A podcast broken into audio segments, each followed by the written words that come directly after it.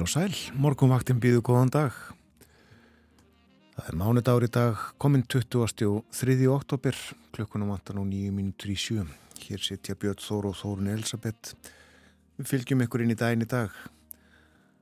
Morgunvaktin til nýju. Og það er ljómandi veður á landinu, sjáum ekki betur á yfirlitskortinu frá því klukkan 6 í morgun. Viðast hvar hægur vindur og uh, hittast í uh, þrjár gráður sjást víða. Sem staðar aðeins svalara en uh, annar staðar heldur hlýra. Stjórnibjart yfir Reykjavík. Við mælum að því að uh, fólk kikið upp og uh, reynið að glöggva sig á stjórnunum og það svo heldur sinn veg. Hvort sem er til vinnu í skóla eða annað en uh, það var tekjastega hitt í Reykjavík klukkan 6 og uh, austan 2 metrar. Við höfum ekki upplýsingar frá Kvanneri þrjárgráður í stikisólmi heiðskýrt þar og 3 metrar austan 3 svipaviður bæði á Patrísfyrði og í Bólungavík nánast lokn þó í Bólungavík einn gráða á Hólmavík suðvestan 2 einn gráða líka á Blönduósi þryggjastega hiti á söðunni svita lokn þar. Lokn á Akureyri einn gráða. Lokn á Húsavík 2 gráður.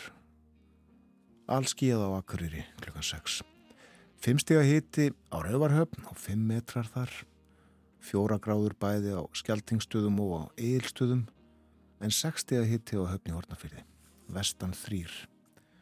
Fjóra gráður á Kvískerjum, þrjár á Kirkjubæðaklaustri, fjórastega hiti í Vestmannegjum og Stórhauða í Vestmannegjum, en einstigs frost í Árnesi og örlíti frost á hálendinu, einstigs frost til dæmis á Káranhjúkum, tveggjastega frost í Veiðivatnarhaunni og á Hverjavöllum og hitti við frostmark á Holtaverðiheiði.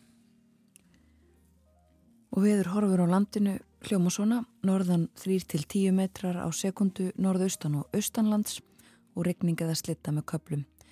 Hæg breytileg átt í öðrum landslutum og bjartviðri og morgun þriðudag hæg breytileg átt og þurft og bjart veður víða um land.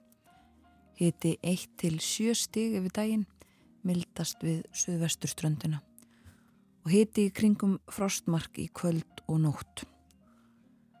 Eru svo áfram fremur hægur vindur á miðugudag og fymtudag, austan 3 til 8 en kvassara við suðuströndina 8 til 13 metrar á sekundu. Skíða með köplum og yfirleitt þurft en dálítil regning á Suðursturlandu og Östfjörðum og hitin 2-8 stygg mildast Suðvestanlands. Og svo verðist vera ágættis viður í kortunum um komandi helgi líka. Á förstu dag, lögadag og sunnudag og á lögadaginn næsta er einmitt fyrsti, fyrsti vetradagur. 0-5 steg að hiti, austan og norðaustanátt og bjartviðri en skíjað og úrkomi lítið á austanverðu landinu. Fínasta veður í dag og næstu daga samsagt. Já. Höstið uh, fáinni dagar eftir að því og það ætlar að kæða okkur bara svona bara af kærleika, með ég segja. Engin leiðindi. En uh, það er svolítil hálkarsumstæðar á vegum eins og gerist þegar aðstæður eru svona til dæmis hálkublettir á fróðarheiði og uh, hálka á bæði stengrimsfjörðarheiði og þröskuldum hálka á auksnadalsheiði en uh, inn til landsins norð-austanlands uh, þar er svolítil snjóþekja krapi og runnar jæljagangur segir við að gerðin, eitthvað um hálkubletti. Þetta eru skeitin frá vegagerðinni þennan morgun. Það er ímyndlegt á darskráð þáttarins í dag. Við ætlum að tala svolítið um hvennaverkvallið á morgun. Kolbrún Haldurstóttir formaður BHM verður með okkur. Við viljum líka að tala um skipulagið í heilbíðiskerfinu og uh, helsufar landsmanna.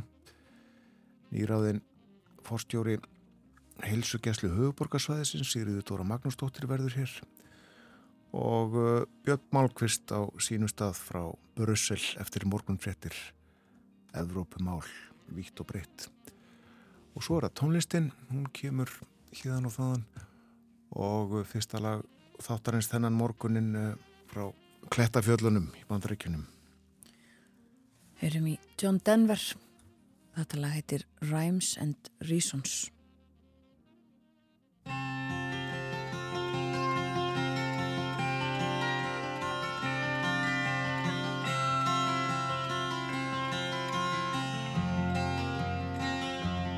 So you speak to me of sadness and the coming of the winter. Fear that is within you now, it seems to never end. And the dreams that have escaped you, and the hope that you've forgotten. You tell me that you need me now. You want to be my friend, and you wonder where. Where's the rhyme? Where's the reason? And it's you cannot accept. It is here we must begin to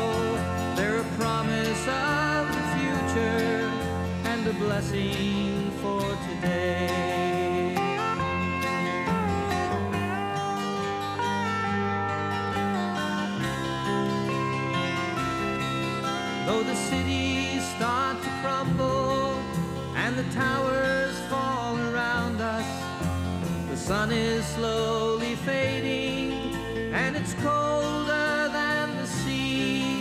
It is written from the desert to the mountains, they shall lead us by the hand and by the heart. They will comfort you and me in their innocence and trusting. They will teach us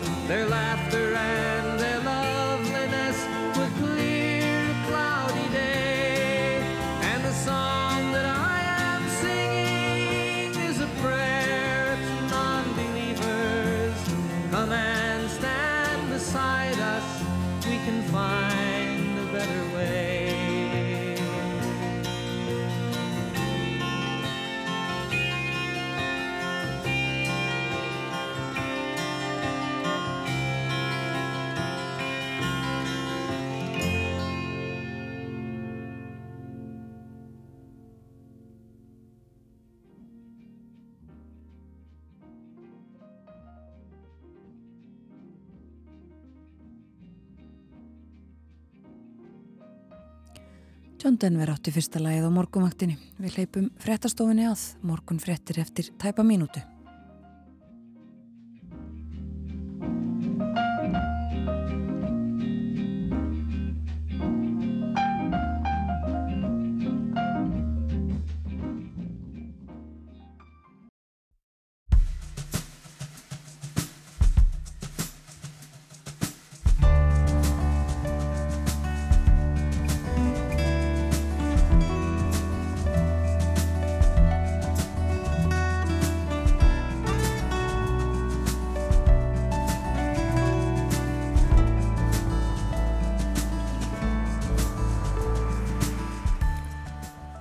Góðan dag, morgunvaktin hilsar, mánudaginn 20. á 3. oktober.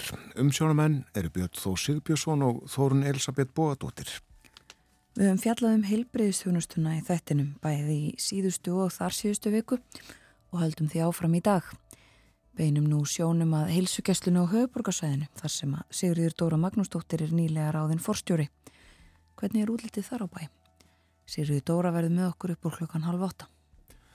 Konur eru kvartar til að mæta ekki vinnuna á morgun, kynbundnu misrétti af ímsu tægið mótmælt. Samstöðu og barátufundir verða víðaðum land. Hjá okkur á morgumvaktinni í dag verður Kolbrún Haldóstóttir formaður BHM en bandalagið er einn fjölmarkra aðstendenda aðgerða. Kolbrún var einmitt í hópi 25.000 kvenna á útifundunum fræga í Reykjavík 1975. Og Björn Malmqvist fyrirtamæður í Brussel verður líka með okkur og í spjalli um stjórnmál í Evrópu verður meðal annars fjallaðum gullhúðun EES reglugerða. Gullhúðun er það kallað þegar að bætt er við íslenskum sér ákvæðum þegar að Evrópulögju verður leitt í íslenskan rétt án þess að taka það fram. Björn ræðir málið við Átna Pál Átnason, stjórnarmann í eftirlótsstofnun EFTA. Það er útlitt fyrir ágættis veður í dag og uh, næstu daga, uh, vindræðin uh, 3-10 metrar á sekundi í dag, um blása á norðaustan og uh, regningið að slita með köplum, hæg breytileg átt í öðrum landslutum og bjartviðri. Og á morgun hæg breytileg átt, þurft og bjartviður víðaðum land. Hittin 1-7 stig mildast við suðvestuströndina en heitjast í í kringum frostmarki kvöldun út og þegar skoðað er spákortið þá uh, sjáum við að sólimun skýna glatt, mjög víða á landinu í dag uh, síst þó á Östurlandi en uh, þar munum hins vegar skýna á morgun. Og já eins og áður sagði bara ágættis veður næstu daga segir hér í hugleðingum viðfræðings nú þegar þetta er skrifað eh, snemma í morgun er lítil og veikluleg lægð stödd við austurströndina. Af hennar völdum er útlitt fyrir norðan 3-10 metra um landi norðaustan og austanvert. Með fylgir rigninga að slitta af og til snjó koma til fjalla. En hægbreytileg átt í öðrum landslutum og bjartviðri.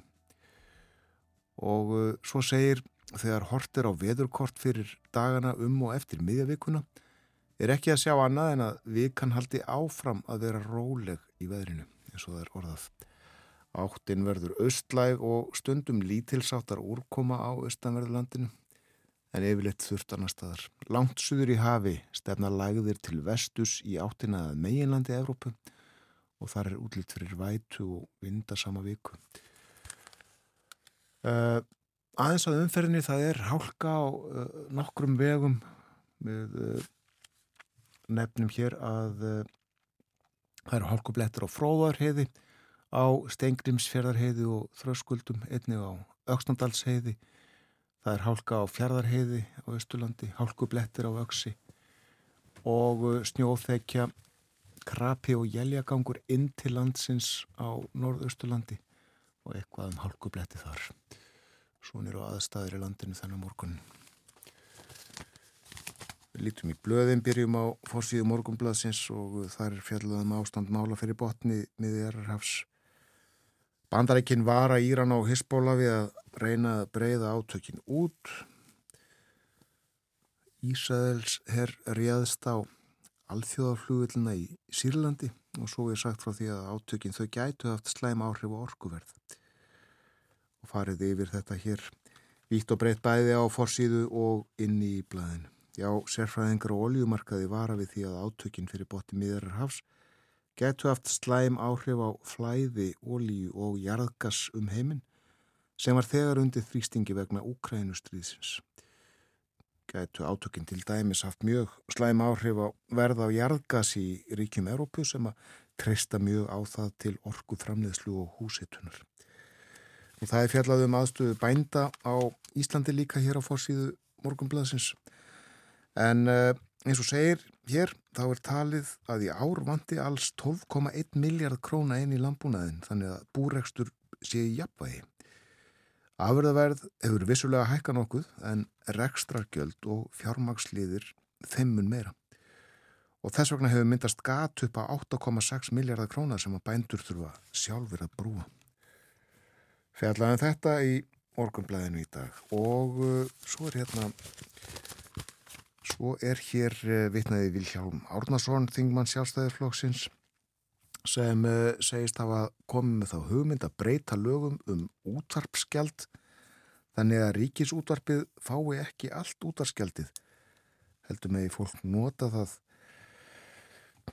uh, ráðstafaði að vild þó uh, þannig að markmiðin séu þau sömu og uh, gilda um starfsemi ríkisútarsins. Hann gaggrinir segir hér hvernig fjármögnun ríkismiðilsins er háttað samkvæmt nú gildandi lögum og hefur sendt ráð þeirra fyrirspurnum. Rétt hér að baksíðu morgunbladsins líka en sískinnin Jóhann Ingi og Heiða Karin Fylkisbörn þau taka þátt í alþjóða Kambrian rallkeppninni í Veils á lögadag og eru full tillökunar en það fyrsta keppnið er að Erlendis. Það rætt við Heiðu sem að segir ég er mjög spennt aðalatriðið er að ljúka keppni og Jóhann tekur í samastreng. Við ætlum að hafa gaman að þessu og koma heil tilbaka. Lítum aðeins út í heim. Byrjum á uh, frettum frá Danmörku. Það uh, var verið að gefa það út að venstri flokkurinn ætlar að halda bladmannafund eftir um, tæpa klukkustund um uh, stöðu flokksins. Fundurinn haldinn klukkan tíu með fjölmjölum á eða við skrifstofur flokksins í Kristjánsborg sagt frá þessu í stutri tilkynningu á samfélagsmiðlunum X sem áður hétt Twitter. Og ekkert meira gefið upp um þetta mál annað en að uh, á fundunum verða formaðurinn Jakob Ellemann Jensen uh, Tróluslund Pólsen og Stefani Lóse sem að uh, og, og hlustendur muna það kannski að það eru rétt um hvað tveir mánuður liðnir frá því að Jakob Ellemann Jensen og Tróðslund Pólsen skiptust á uh, ennbættum. Jakob Ellemann Jensen var í veikindaleifi um, framan af ári en uh, kom svo aftur og uh, þeir skiptust á ráþara ennbættunum í ágúst Það hefur uh, staðið styr um Ellemann Jensen og um flokkin. Borgþór Argrímsson hefur uh, rætt þetta við okkur stundum, stöðumála þarna um, og við fylgjum með því sem að þarna fer fram uh, og frettastofan eflust líka. Annars eru stóru málinn áfram þau sömu í heimsfrettunum og eh, verið hefur síðustu daga. Það er staðan uh, á Gaza og í Ísrael og uh, við heyrðum á þessu frettunum hér áðan að uh, nú er því lofað að það verði stöðugur ströymur hjálpargagna inn á Gazasvæðið í gegnum þessa Rafa landamærastöð sem að Egiptar stjórna. En eh, eins og við heyrðum líka í fréttunum hér áðan þá uh, hefur verið sagt frá því uh, stofnarnir saminuð þjóðan að segja það og vara við því að það uh, hafi litla þýðingu að koma með þessa aðstóðinn og svæðið ef að ekki verður eldsneiti sem að fylgir ekki eldsneiti sem er hluti af þessari neðar aðstóð vegna þess að það þarf að nota í miklu mæli til þess að eh, knýja áfram uh, samfélagi þarna bara. Það er uh, ekkit floknur en það. Og því hafa Ísraelsmenn neitað ynga til að um, að veita eldsneiti og hleypa því þarna í gegn. Um, og ímislegt sem að þar hefur, hefur gerst um, það voru að minnstakosti hundruð uh, skotmarka sem að Ísraelsmenn uh, reyðust á í, í nótt palestinsk uh, eða, eða stjórnvöld á Gaza uh, segja að það hef ekki verið neinar viðvaranir heimili hafa verið uh, sprengt án viðvarana um, og Ísraelsmenn gerðu líka loftar á borginni Jenín á Vesturbakkanum. Það hefur verið að gerast líka undanfartan daga að þeir eru ekki engungu að uh, ráðast á skotmurk á gasasvæðinu heldur líka á Vesturbakkanum sem er hitt uh, yfir ráðasvæði palestinumanna.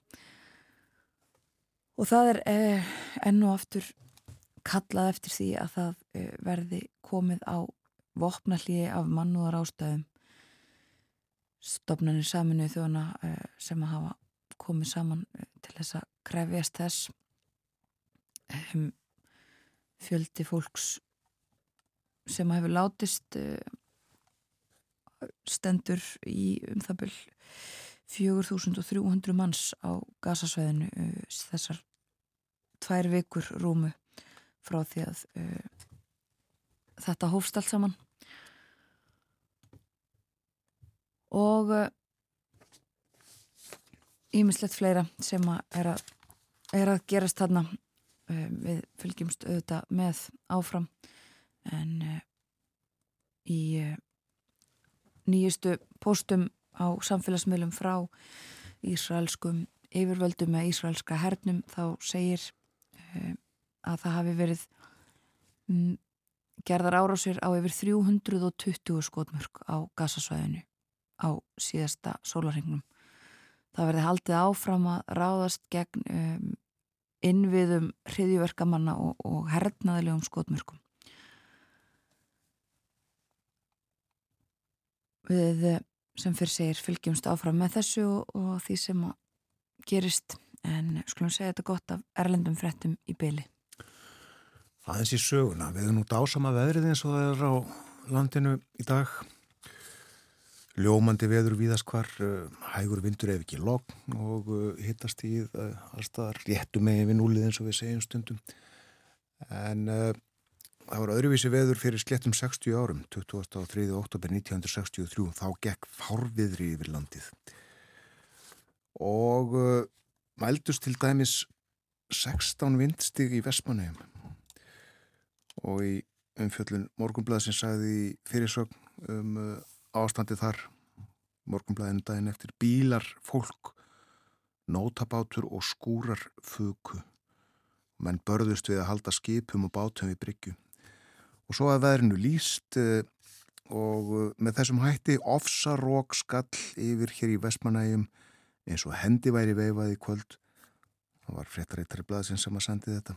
Kvast var í morgun á austan og síðan læði og rétt fyrir sex kom kvellurinn yfir á suðvestan. Svo vindræðin náði 108 hútum eða 16 vindstígum á stórhauða sem jafnframt er mesti vindur sem mælst hefur síðan mælingar hófust en mest mældust áður 100 hútar. Fjell loftvóg svo ört að fólk trúði ekki og í kvöld hækkaði hún jafn ört. Klukka nýju var veður heldur farið að ganga niður, vindur komið niður í 11 vindstíg að það er nú nógu kvast samt og uh, meðal skemda saði í hrettinni bílskur fauk gróðurhús fuku aflöguðust bílar fukhústað gabl á húsi hann fauk inn og við höfnina fauk nótabátur yfir 100 metra braut á leiðsinni þrjá ljósastöður á sleit niður ramagslínur og hafnaði á ljósastur, vestast og fremst á friðarhafnabryggju en þessi bátur hefur staðið óhaggaður á sama stað í fimm ár og þá fauk fólk í verinu líka. Getur þetta ímyndað okkur hvernig þetta var? 16 vindstig sko Bjúfort Kvarðin eh, hann náði nú bara upp í 12 eins og hann var eh, líst eh, á vefsíðum og annar staðar á sínum tíma þegar hann var ennþá notaður. Þetta eru uh, meira en 33 metrar á sekundu og lýsingin svona allt lauslegt fíkur þar á meðal möl og jafnvel stóri steinar, kirstæðir bílar geta oltið eða fókið, heil þög tekur af húsum, skikni oftast takmarkað, jafnvel í þurru veðri. Svakalega kvart, 23. oktober 1963. 16 vindstígi Vestmannegjum, hugsið ykkur en uh, nú er ljómandi viður í Vestmannegjum og uh, eigamenn uh, glötust aldilis í gær þegar handbóltaliðir tók á móti valsmunum og læðuðu á velli, valur á toppnum. Og eigamenn fyrsti til þess að vinna val á keppnistímabilinu sem er nú svona nýlega hafið. Og fleira frá Vestmanægjum að landa í að höfnórðin fær saði í eh, frétt á er.net og eh, bent á að þangað sildi herjálfur og þaðan um helgina en eh, fólk hvað til þess að fylgjast með tilkynningum frá herjálfi vegna þess að það er alltaf hægt á færslu milli hafna Nú, uh, þá uh, segjum við þetta gott af blöðum, innlendum og erlendum, nýjum og gamlum. Já, hlustum á smá tónlist. Þetta lag heitir In a Mellow Tone og er af plötu sem kom út árið 1960. Jerry Mulligan meets Ben Webster. Og þessi tveir bandarísku jazz tónlistarmenn komu saman í um það byrj mánuð ásvönd fleirum og spiluðu og uh, tóku upp. Og uh, heyrum þetta lag áðurinn við hleypum svo frettastofinni að. Yfirleitt morgun fretta kemur eftir tíu mínútur eða svo svo verður með okkur Sigriði Dóra Magnúsdóttir forstjóri helsugjæslinar og höfuborgarsvæðinu Þú erum að tala svolítið um uh, helsugjæslina um uh, útletið þar um pestinnar og fleira hún verður með okkur uh, upp úr klukkan halv åtta.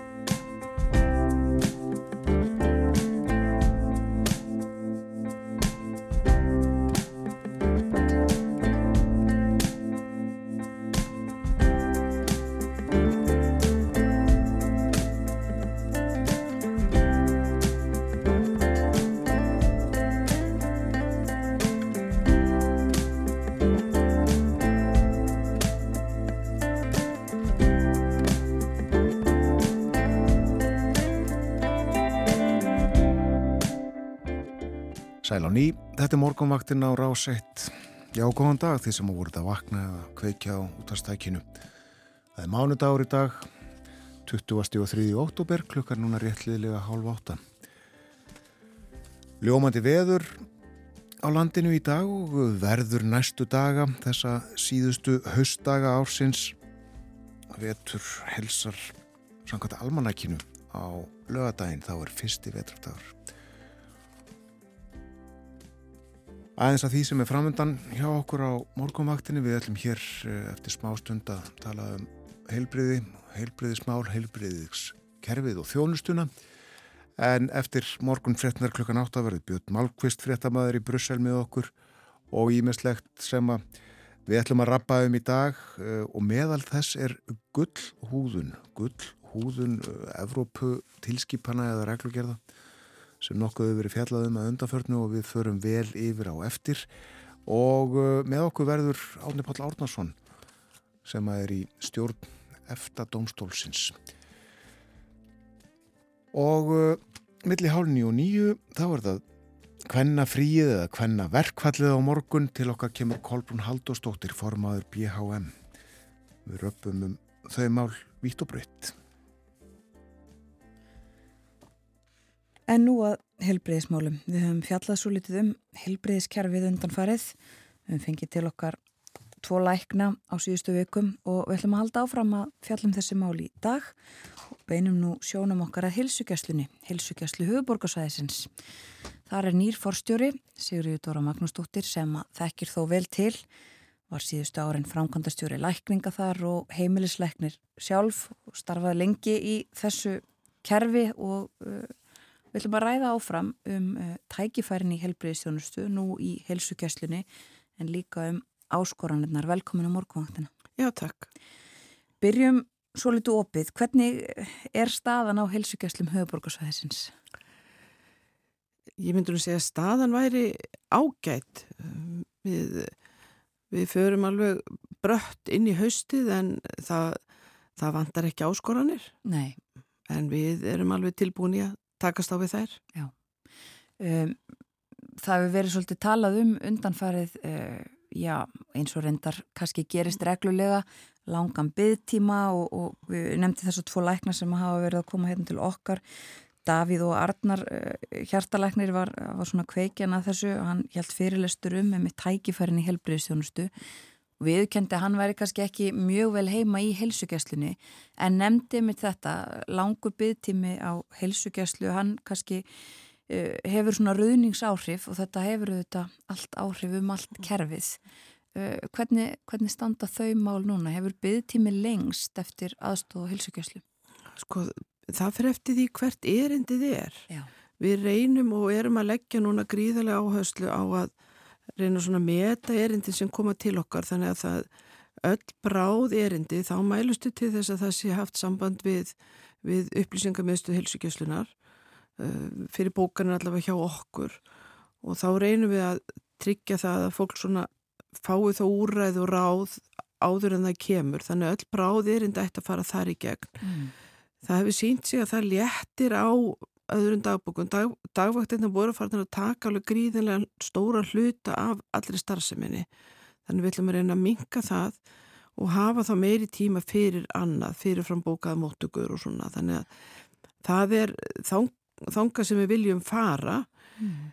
en, en auðvitað er það þannig að ef þú ert með erindi sem er ekki brátt þá getur þú þurft að býða ykkur að vikur því miður. Og það bara hefur verið og, og verður. En við reynum að koma öllum erindum að innan þess tíma sem þau þurfa Já Eh, þannig að það eru einhverju svona skipulagsbreytingar í gangi hjá ykkur. Já, við erum að reyna að, að meta betur erindin. Það var þannig við höfðum einhvern veginn úrraði heldur en að koma á dagvaktina oft á tíðum og þá kom fólk kannski þanga með erindin sem voru ekkit bráð en bara því það fekk einhvern veginn svör. Þannig við erum að reyna að hjálpa fólki meira svona, og við höfum þá á upplýsingamiðstöðinu, þá höfum við möguleika til að bóka á dagvaktinnar og þá er þá er þegar þú kemur á staðin þá er búið að vita af hverju þú ert að koma, hvað er erindið, er þetta eitthvað bráð pest eða er þetta eitthvað annað sem er eitthvað önnu bráð veikindi. Þannig að því að þá ætlum við að reyna að hafa þessa bráðaþjónustu fyrir bráða erindi ekki bara að því að þú gast ekki fengið neitt annan tíma. Og síðan þá sé þá librara með tíma og jafnvel að við förum að flokka meiri erindi til okkar eh, í vennulega tíma sem að mér finnst því sjálfur sér miður en, en við bara verðum einhvern veginn að ráða við alla eftirspurnina sem er eftir þjónustunni. Já, og þetta er eina leiðin til þess að gera það? Já, þetta er alltaf eina leiðin sem við höfum núna, við erum alltaf vonast til að með, þegar við náum að fjölga fólki, starfsfólki, leknum, hjúkunarfræðingum, hafa betri starfsaðstöðu þá ráðum við betur við eftirspurnina en, en það má ekki gleyma því líka þetta er alþjóðlegt vandamál, þetta er þetta er, þetta er, það, þetta er sami hljómurinn og er allstaður í umræðum heilbríðskerfi, það er meiri eftirspurn eftir þjónust heldur en við ráðum við. Já.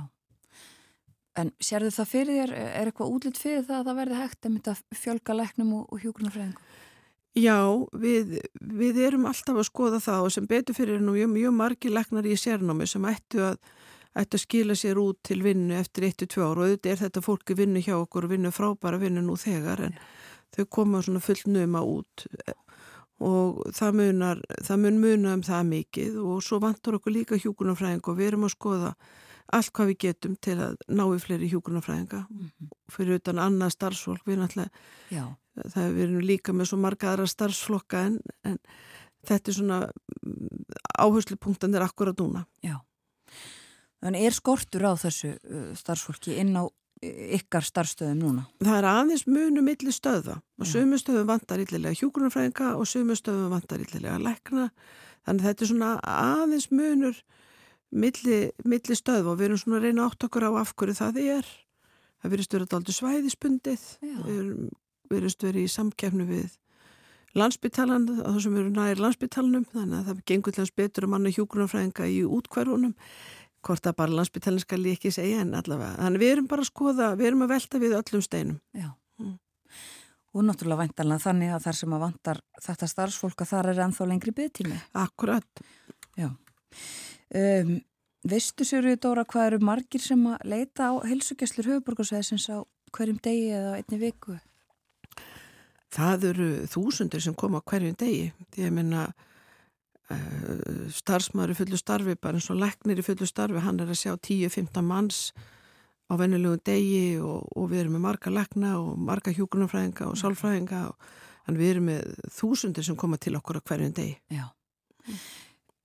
Það hefur svolítið verið rætt um og við tölum um það hérna líka í síðustu viku við steinunni Þorðardóttur forman læknafélagsins mm. um aukið álag skriffinsku, mm. ekki síst einmitt á helsugæsluleikna. Mm. Var fyrir einhverju umræðinni Uh, um, um vottorð sem að uh, helsugjastluleiknar þurfa að mm -hmm. gefa út og fleira slíkt steinu nefndi, nefndi uh, livja undan þáur mm. hvernig horfa þessi mál við þér og ykkur á, á helsugjastlun? Það er alveg rétt vottorðin eru er, eru töluvert hjá okkur og, og það er nú og þar eru við, viðristu við vera alltaf först bara í regluverki sjúkartrygginga að að eh, það er oft farið fram á lækni skrifi vottor sem að alveg annar getur skrifað eða þá að það þarf ekki vottor, það er bara einhvern veginn að veri fast. Félagsfjónustan að byggja um vottor eða eitthvað þurfi heimilisaðstóð, það er nú aðeins búið að laga til í þessu, umræðan hefur þó lett það af sér og, og við munum halda því áfara, menn það líður náttúrulega engu vel að vera að skrifa eitthvað tilgangslöst plagg. Og svo erum við líka að nýta okkur rafrannu lustin miklu meira þannig að til dæmis fyrir skemmri tíma vottorð, fjárvista vottorð ef fólk þarf það, þá getur það farin á heilsuveru, þannig að við erum svona endilega beina fólki að aðtöpa bæði hvort að þurfi vottorð og síðan þá að nota sér þessar rafrannu lusnir yeah. uh, Livjaskýrtinin eru annað vandamál og þar eru aftur hluti af um, virðist vera bara alþjóðlegu vandamáli, það er svo mikill livjaskortur og þá eru mörg liv komin á undan þáu og Livjastofnun hefur verið mjög stíf með þessum teirir með aldrei fast regluverkum hvernig má skipt út lifi fyrir samhættarlifi eða má skipt út lifi fyrir annar lifi sem eru undan þá og við erum nú svona að reyna að tala við það og benda þeim á að þetta er oft mjög íþingjandi og mjög trublandi fyrir alla. En þannig er við aftur hluta af ykkur alþjóðlegu ástandi sem er bara alþjóðlegu livjaskortur sem er virkilega til trafala því að fólk kannski kemur, fær eitt liv upp og skrifa, það er ekki til, þarf að hafa samband aftur við helsukjösluna og þá þarf að reyna að finna út hvaða lifi er til núna, má veita undan þáu, það eru undan þáu reglur en það eru ekki að librar finnst okkur. Þannig að þetta er bara virkilega trublandi fyrir alla starfsemenn og allt starfsfólk og, og við myndum gætna vilja að þetta væri leist án þess að fólk þurft að vera að koma endilega aftur til okkar. Já. Og það væri hægt með því að gera einhverja breytingar? Já, það má, það má, það má setja fleiri lif í þann flokka livs, að livssalar megi bara skipt út livjum. Að það þurfi ekki lifaskýrtinni. Það er það sem við viljum. Það sé bara að heimild livssala sé miklu ríkar en hún er í dag. Já. Þegar hún er líka, hún, þeir hafa heilmiklu heimildir en það er eins og það sé oft ykkur tregða þar en við viljum nýta þetta miklu miklu meira bara að fólk getur bara farið í apotek og fengi það samheita lifið eða undan þá lif án þess að þurfi meiri aðgóma lagnis. Já. Það hefur líka verið svolítið talað um uh, einmitt þú nefnir helsuveruna uh, þar var komið inn eitthvað svona, svona spjallglöggum eða svona samskipta uh, tækifærum fyrir -hmm. fólk og, og Steinu nefndi þetta þetta við átt að leta á álæginu en hafi í rauninni kannski haft þörfu og áhrif. Þetta hafi verið bara mjög íþingjandi fyrir helsukessluregna. Það var alveg gríðalig sko, sprenging í fyrirspunum á helsuveru og, og, uh, og skjólstæðingar svona áttuði sér ekki alveg á því hvaða tækiði vorum í höndum voru átt að sendin fyrirspunum sem voru ekki viðigandi voru að það eða, og svona átt erfitt með að formulera mm. og þetta trublaði verulega og trublar verulega í dag. Ég, þetta hefur nú náð jafnvægi allavega hjá okkur en það sem fólk þarf að hafa í huga er að það er ekki að senda skilabóðu sin heimilislegni, heldur það er bara að senda skilabóðun á stöðina. Já. Þetta eru erindi sem fari í sjúkaskrána, allt það sem skrifar fyrir inn í sjúkaskrána Þannig, og þetta er ekki bráða þjónusta. Þannig að fólk þarf aðeins að átta sig á því þetta er í rauninni mjög gott tæki ef það er rétt nota til að fylgja eftir láta vita mér hefur ekki alveg batnað eða mm, veist, eitthvað svona skilabóð sem eru framhald af einhverjum samskiptum sem þegar hafa átt sér stað þá er þetta gott tæki. En mm, við, svona, við þurfum að vanda okkur með hvernig við nýtum þetta þannig að þetta nýtist okkur áfram til góðs við erum alveg þar að rafaram samskipti eru mikið framtíðin en við þurfum bara aðeins að kunna nota þau. Já, einmitt, það er nú eitt sem hefur verið, svo við kannski færum okkur í, einmitt, tækifærin í, mm. í stöðunni, að það er þessi rafræna uh, eða fjárhilbriði stjónustahælti mm. þessi kallað. Mm. Um, hún getur komið eh, töluvert innir það ekki í, í, hjá heil, heimilisleiknum, helsugjöslu. Jú, við erum náttúrulega að nota við erum náttúrulega að nota heilmikið og náttúrulega bara eins og einn á heilsuveru með að netspjallið er náttúrulega allt fjár heilbriðustjónusta það er eftir náttúrulega ópersonagrennilegur en síðan getur þá gert í persónagrennilega og þá ertu komin í, í, í spjalla þínu fórsöndum. Já, það er annað heldur en þetta samskipta kerfi sem við vorum að tala um áðan á helsuverunum. Já, það er, það er helsuveru svo markþætt það er það sem er, helsuveru svo markþætt hún er bæði nétspjál sem er brópersonum grinnlega þar sem er fólk alltaf að svara. Svo getur þá auðkendi og þá ertu komin inn að tala sem þú. Mm -hmm. og þá hefur sá sem er að svara þér aðgang á þínum, öllum þínum sjúkra, sjúkra, sjúkra upplýsingum og síðan getur þá sendt svona skilabóðin, þú getur vanlega að senda skilabóð beint til ljósmóður eða sálfræðings eða, eða leknis eða ungbændavendar eða eitthvað svona þannig að mm. Þú getur sendin markvið skilaboð, markviðsa fyrirspurnir og það er bara mjög mikilvægt að fólk hugsi út í hvað er hinum eina. Það rítar sem flokkar, þetta fyrir inn í þínu sjúkarskráð, þetta er ekki brátt erindi en ef þú sendir inn eitthvað skilmerkilegt upp erindi framhald af ykkur sem var, þá er þetta mjög gaglegt tæki. Já. Og þetta, ég myndi svo segir, þetta telst til fjarhelbriðist þjónustu um, en er eitthvað, svona, eitthvað meira á döfin í, í þessu málum hjá helsugjöslinni? Við náttúrulega viljum fara að taka upp myndsýmtöl og það er þegar komið aðeins myndsýmtöl við og þeir hafa sálfræðingar hafa nýtt aðeins og þannig að myndsýmtöl eru ánæfið að koma þá sem hluti á spjalli á helsuveru fyrir fólk sem er í burtu og það mm. er þegar komið en verður ánæfið meira. Við erum líka að fara að skoða þess með gerfugrein til að flokka erindi inn þannig að það er annar, annar þáttur sem er ja, kannski ekki fjárheilbrísjónstun að nýta okkur tæknina. Já.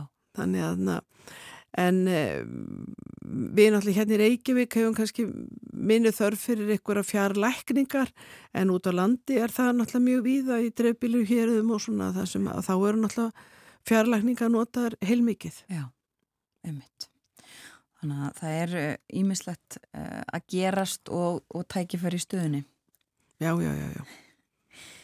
Jú, aðeins að uh, tala um uh, bara helsufar okkar í dag. Það er komið uh, vel fram í oktober. Er, er, finnið þið mikið fyrir því ykkur um höstpestum? Já, það er komið heilmikið af höstpestum og, og það er bara fylgir höstinu og, og þannig að það er ekkert sem kemur okkur óvart og þá reynum við mitt að veita fólki ráð, vísa fólki á á almenn ráð og það sem eru lausasöluleif í apotekum en hafa síðan samband þá við upplýsingamiðstöðun ef að, ef að pestin ekki gefur sig með þessum ráðum. Já. Þannig að það er, og þá hugsanlega komast til lagnist, það er, það er alveg heilmikið mikið komið og þá er náttúrulega að geta minna á að við erum að byrjuð að bólusetta. Já, ég ætlaði að mynda að spyrja það um það. Það er, það er byrjað. Það er byrjað og um að gera bara panta tíma og allir sem eru eldri en 60 eða eru með eitthvað undirlíkind áhættu hópa þá er mælt með bæði influensa og COVID. Og um, maður er ekki mælt með COVID undir 60 nefnum sért með eitthvað undirlíkindi sjúkdóm. Já. en influensan náttúrulega er í bóði og nú er þetta aldrei verið bólusettu líka börn við influensu þannig að þetta er allt í gangi. Einmitt. Og uh, nóg til? Nóg til. Sóttarnalagnir pantaði nóg á efni svo það á ekki verið neitt vandamál. Nei. Og uh, sko Það eru þetta erfitt að segja til um það en svona útlitið fyrir veturinn á helsukesslunum. Hvernig, hvernig sjáu þið það? Það verður nóg að gera. Um, það er alltaf, veturinn er alltaf mjög þungur.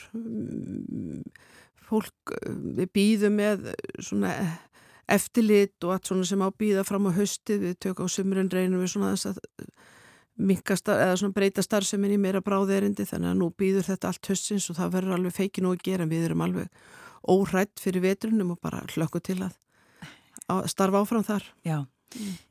held að verði, var það ekki fyrravetur sem að þið voruð í herrferð um að hvetja fólk til þess að vera heima hjá sér og vera ekki að koma til ykkar heima er pest Einmitt við vorum mjög glöð með hvernig það þróaðist allt saman og, og undirtekti landsmanna alveg, mm. við vorum mjög ánæg með það og, og það er enni fulli gildi þannig að, að það er bara best að hlusta hans á líkamann og vera heima að maður er lasin, það er lítið annað að gera og vera þá að smita minna. Já Influensan er ekki komin, er það? Nei, það er ekki komin um, allavega engin influensu faradur ég hef ekki heyrt hvort það sé kannski eitthvað, það voru alltaf einhver einstaka tilvík sem koma, ég hef ekki heyrt reyndir af því heldur. En, eh, en það er engin faraldur komin enni, svo fólk getur alveg verið rólegt og, mm. og komið bara í sína influensu bólusendingu rólegtum Já, e, erum við sko komin að því það hefur verið talað um það við pössum okkur vel í, í COVID og, og og þá komu kannski ekki upp aðrar umgangspestir, svo var talað um að þær hefðu alveg eh, sprungið út. Erum við að ná einhverju svona jafnvægi í þessu aftur eða? Ég, ég vona það, ég held að við megum alveg vera bjart sín með það. Þetta var mjög erfiðu síðastu vettur það er alveg, hann var alveg virkilega erfiður og erfiðar pestir hjá börnum og ofullornum en ég vona nú að við séum að ná. En ná jafnvægum að það verði ekki aftur í vettur. Það er hins vegar, mögum ekki gleyma því, það er til dæmis heilmikið um COVID-smitt. Já. Það var mjög mikið um það og, og um, svona flesti sem eru með grunn bólusendingar eru ekki veikist miðla en við erum enga síður að sjá fólk sem er með, bara með háanhita og, og bara tölvert lasið. Já. Þannig að við mögum ekki gleyma því að COVID er ekki farið. Nei, akkurat. Að lokum, Sirrið Dóra, á morgun uh, hefur verið búið til hvenna verkvalls mm.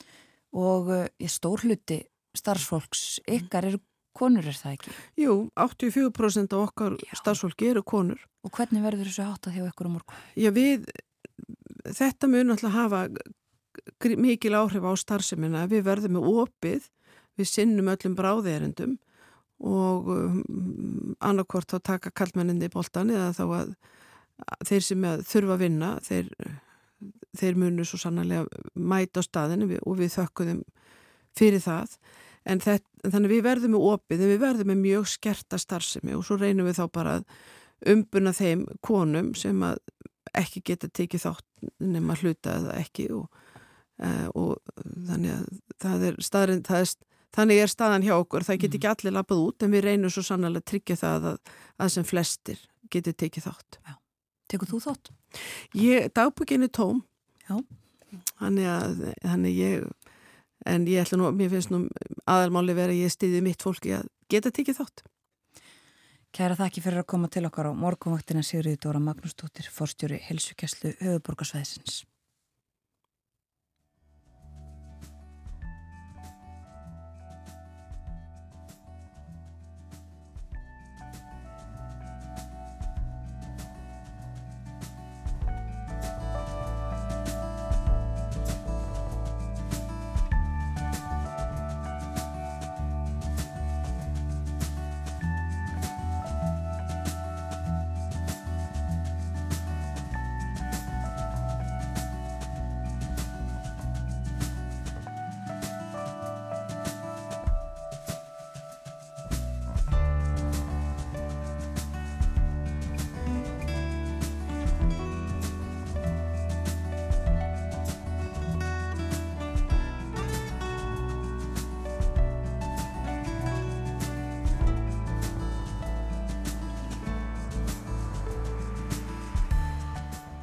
Klukkunum vantar 7 minútur í 8 við fáum fréttir klukkan 8 eftir þær verður Björn Malmqvist fréttamaður í Brussel með okkur.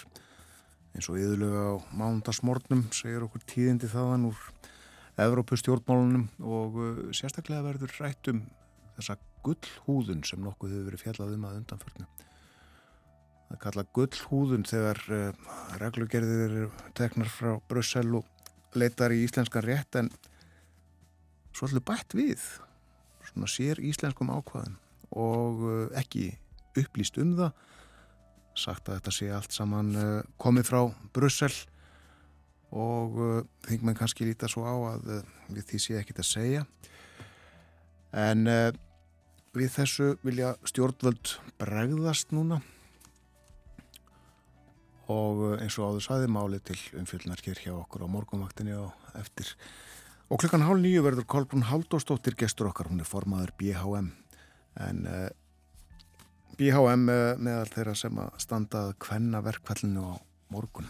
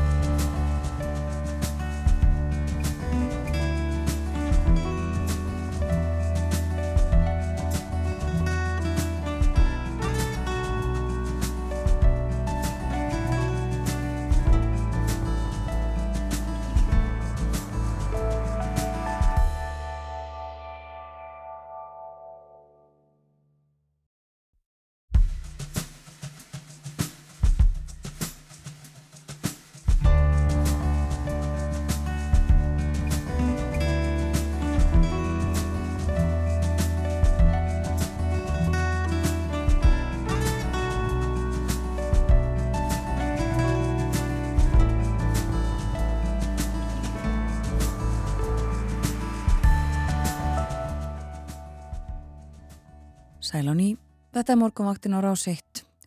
Klukkan tæpar 6 mínútur gengin í nýju. Það er mánudags morgun, 20. og 3. oktober. Og Andri Irkitt Valsson fór yfir veðurhorfurnar og, og þarf við að endur taka þær.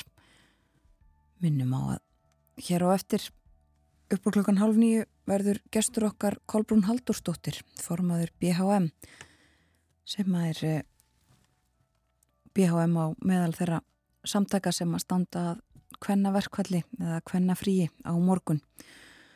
Og Kolbrún var í hópi þeirra sem komu saman á útifundunum fræga fyrsta árið 1975 við ræðum við hana á eftir.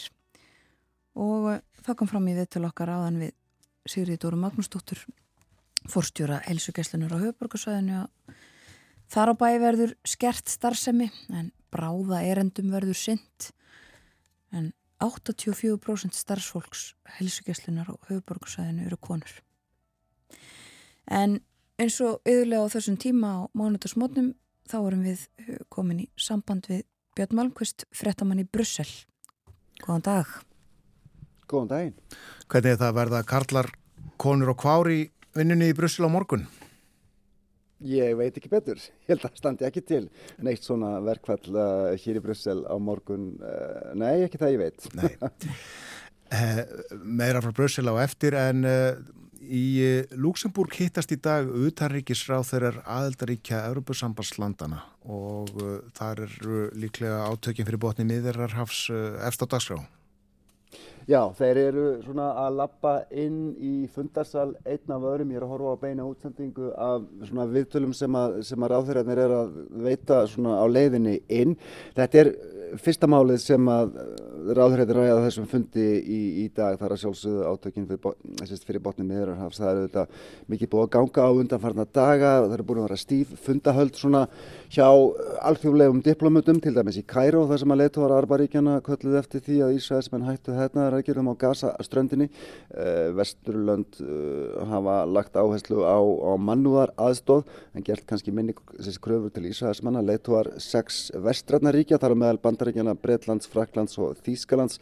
Þeir töluðu saman í gerðkvöld og ítrykkuðu stuðningsinn við Ísrael og en líka nöðsinn þess að virða alþjóðleg og venda almenna borgara sem er auðvitað skilabóð til Ísraelsmanna varandi loftarósir og mögulega einrás á Gaza sem að virðist vera í byllandi undirbúningi. Nú Jósef Borrell, utarriksmálastjóri Európusambandsins, hann er á þessum fundi í Luxemburg, hann talaði í morgun við fjölmela uh, og talaði um krísu ástand þegar hann kom til fundarins í morgun.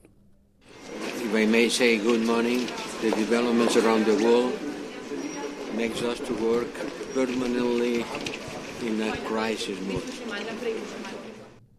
Sagði Borrell frekar þreytulegur í morgun í, í Luxemburg. Hann lægði auðvitað áherslu eins og allir hafa gert á skamtímamarkmiði þar að segja að koma neyðarhjálpin á gasa, það þurfti að flytja þanga matvæli, liv og annað og eldsneiti fyrir orkuframlegslu. Hann benti til dæmis á að 20 trukkar á dag yfir landamærin frá Eikjöftalandi til gasa væri reynd ekki nóð þarna að hafa verið að fara yfir sko mörg hundru trukkar á dag með, með gögn fyrir íbúa á gasa. En það var líka áhugavert að Borrell talaði um að svona í svona meða við hvernig staðan er núna og með, meða við hvernig ástandið er núna það var líka áhugavert að hann talaði um að horfa fram á veginn og fara að hugsa um friðaviraður palestínmanna og Ísraela sem að þyrti að endurvekja sæði Borrell þegar um hægist stórveldin hafi of lengi komið sér hjá því að ræða þetta mikilvæga mál Then we have to discuss about the political process. The peace process has been for too long forgotten. The great powers have forgotten about the Palestinian issue, thinking that it was going to be solved alone. Oh, it doesn't matter. Yes, it matters. Og þetta verður vantilega líka rætt á leðtóafundi ESB síður í vikunni? Já, það má búast til því, kannski bara örstutum Borrell, það er mjög áhugavert að hann, hann nefnir þetta núna á þeim tíma sem að allir eru mjög fókuseraðar á skamtímamarkmið þar að segja að, að koma á vopnarlíði stöðu við hernaðarækirðir eða, eða sagt, tryggja öryggi almenna borgar þá er hann að horfa aðeins lengra fram á veginn. En þetta verður alveg öruglega rætt á fundinum sem að leittuar ESB sérst, eiga hérna í Brussel síðar í vikunni á 50 dag og 1. dag þetta er endur ekki á dagskráni enn sem komið er allavega á netinu. Samkvæmt henni á að ræðum Úkrænu og fjárlög Europasambandsins og málefni flóttafólks sem að tengist þess aðeins. Ég held að það sé nokkuð örugt að þessi dagskrá á þetta að breytast. Europasambandi hefur bætt í stuðningsin varðandi sérst gagvart sko palestinumennum að undarförnu, jábel þótt að þessi átök, þau hafa vissuleiti leitt í ljós svona mismunandi afstöðu aðeldaríkina gagvart Ísrael og palestinumennum en, en sko þessi þessi hörmulega staða, hún hefur líka ákveðin snertiflöt við Európa-sambandi hvað var þar flóttafólk og það er reyndar áhugavert að Financial Times staflaði greini frá því í dag að Európa-sambandið ætla að bæta verulega í efnaðarstöðunni sem gagvart Egiptalandi, eh, ekki síst út af ávikjum sem að margir hér og í aðeldaríkjunum hafa af því að sagt, nýr ströymur flótafólks frá Gaza eh, eigi mögulega eftir að leggja sína leið til Európu þannig að það eru margar hliðar á þessu hörmulega ástandi. Það bar til tíðenda í síðustu viku Björn að eh, Viktor Orbán þar á Ungverilands, hann let mynda sig með Vladimir Putin Rúslandsfórseta á leiðtóafundi í Kína í síðustu viku. Hvernig verður þessu tekið á þessum leiðtóafundi í Brussel? Ég held að þessu verði ekki tekið neitt sérstaklega vel og maður hefur svona heyrt uh, rattir hérðan uh, undanfarnar dagar sem að fannst þetta mjög óviðeigandi ekki síst vegna þess að það hefur verið mjög mikilvægt fyrir leittóðaráðið og, og í rauninni Európa-sambandið í það heila að, að svona sína óskoraða samstöðu með Ukrænu og, og sérst, gegn Rúslandi undan farin missiri. Þessi samstöða hefur verið nokkurt megin samfelt og óskoruð eh, með kannski þeirri undatekningu að Orban og Ungverjar þeir hafa svona soldið setið á gerðingunni sem maður segir á slæmri íslensku þeir hafa reyndar ekki stæðið í vegi fyrir stuðningi og refsið aðgerðum en alltaf verið svolítið begja blands. Þeir hafa til dæmis harði neitað að, að senda vopn til Ukrænu ef ég man rétt þá hafa stjórnveldi í Budapest líka hafnaði að vopn til Ukrænu verið flutt um, um Ungverjarland og til dæmis núna standa þær í vegi fyrir ágræslu og stórum pakka fjárstuðnings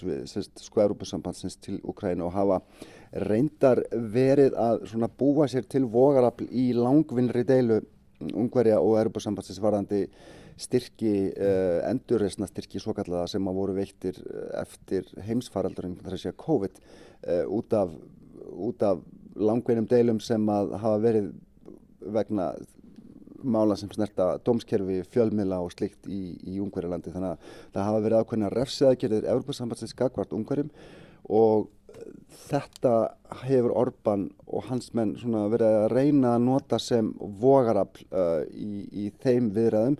Gleimir því heldur ekki að þeir standa ennþá í vegi fyrir því að um, svíjar gangi í Európa-sambandið. Það er líka svona hlutur sem að hefur sem að hefur haft áhrif á, á allt þetta en uh, Orbán sem sagt uh, mætti þarna á ráðstefnu sem að kynverjar heldu í síðustu viku og, og letið mitt, hann rætti við Putin og, og, og let mynda sig með honum og svo kom í ljós reyndar í gær frá stjórnendum Gazprom, þar að segja rúsnarska gasfyrirtækja að ungverjar ætla að auka sín inköp af gasi frá Rúslandi fyrir komandi vetur og það var kannski það sem að Orbán og Putin voru að hansala í Beijing í síðustu viku. Já, gæti verið. Já, uh, NATO aðild sví alltaf uh, á salti, en þá.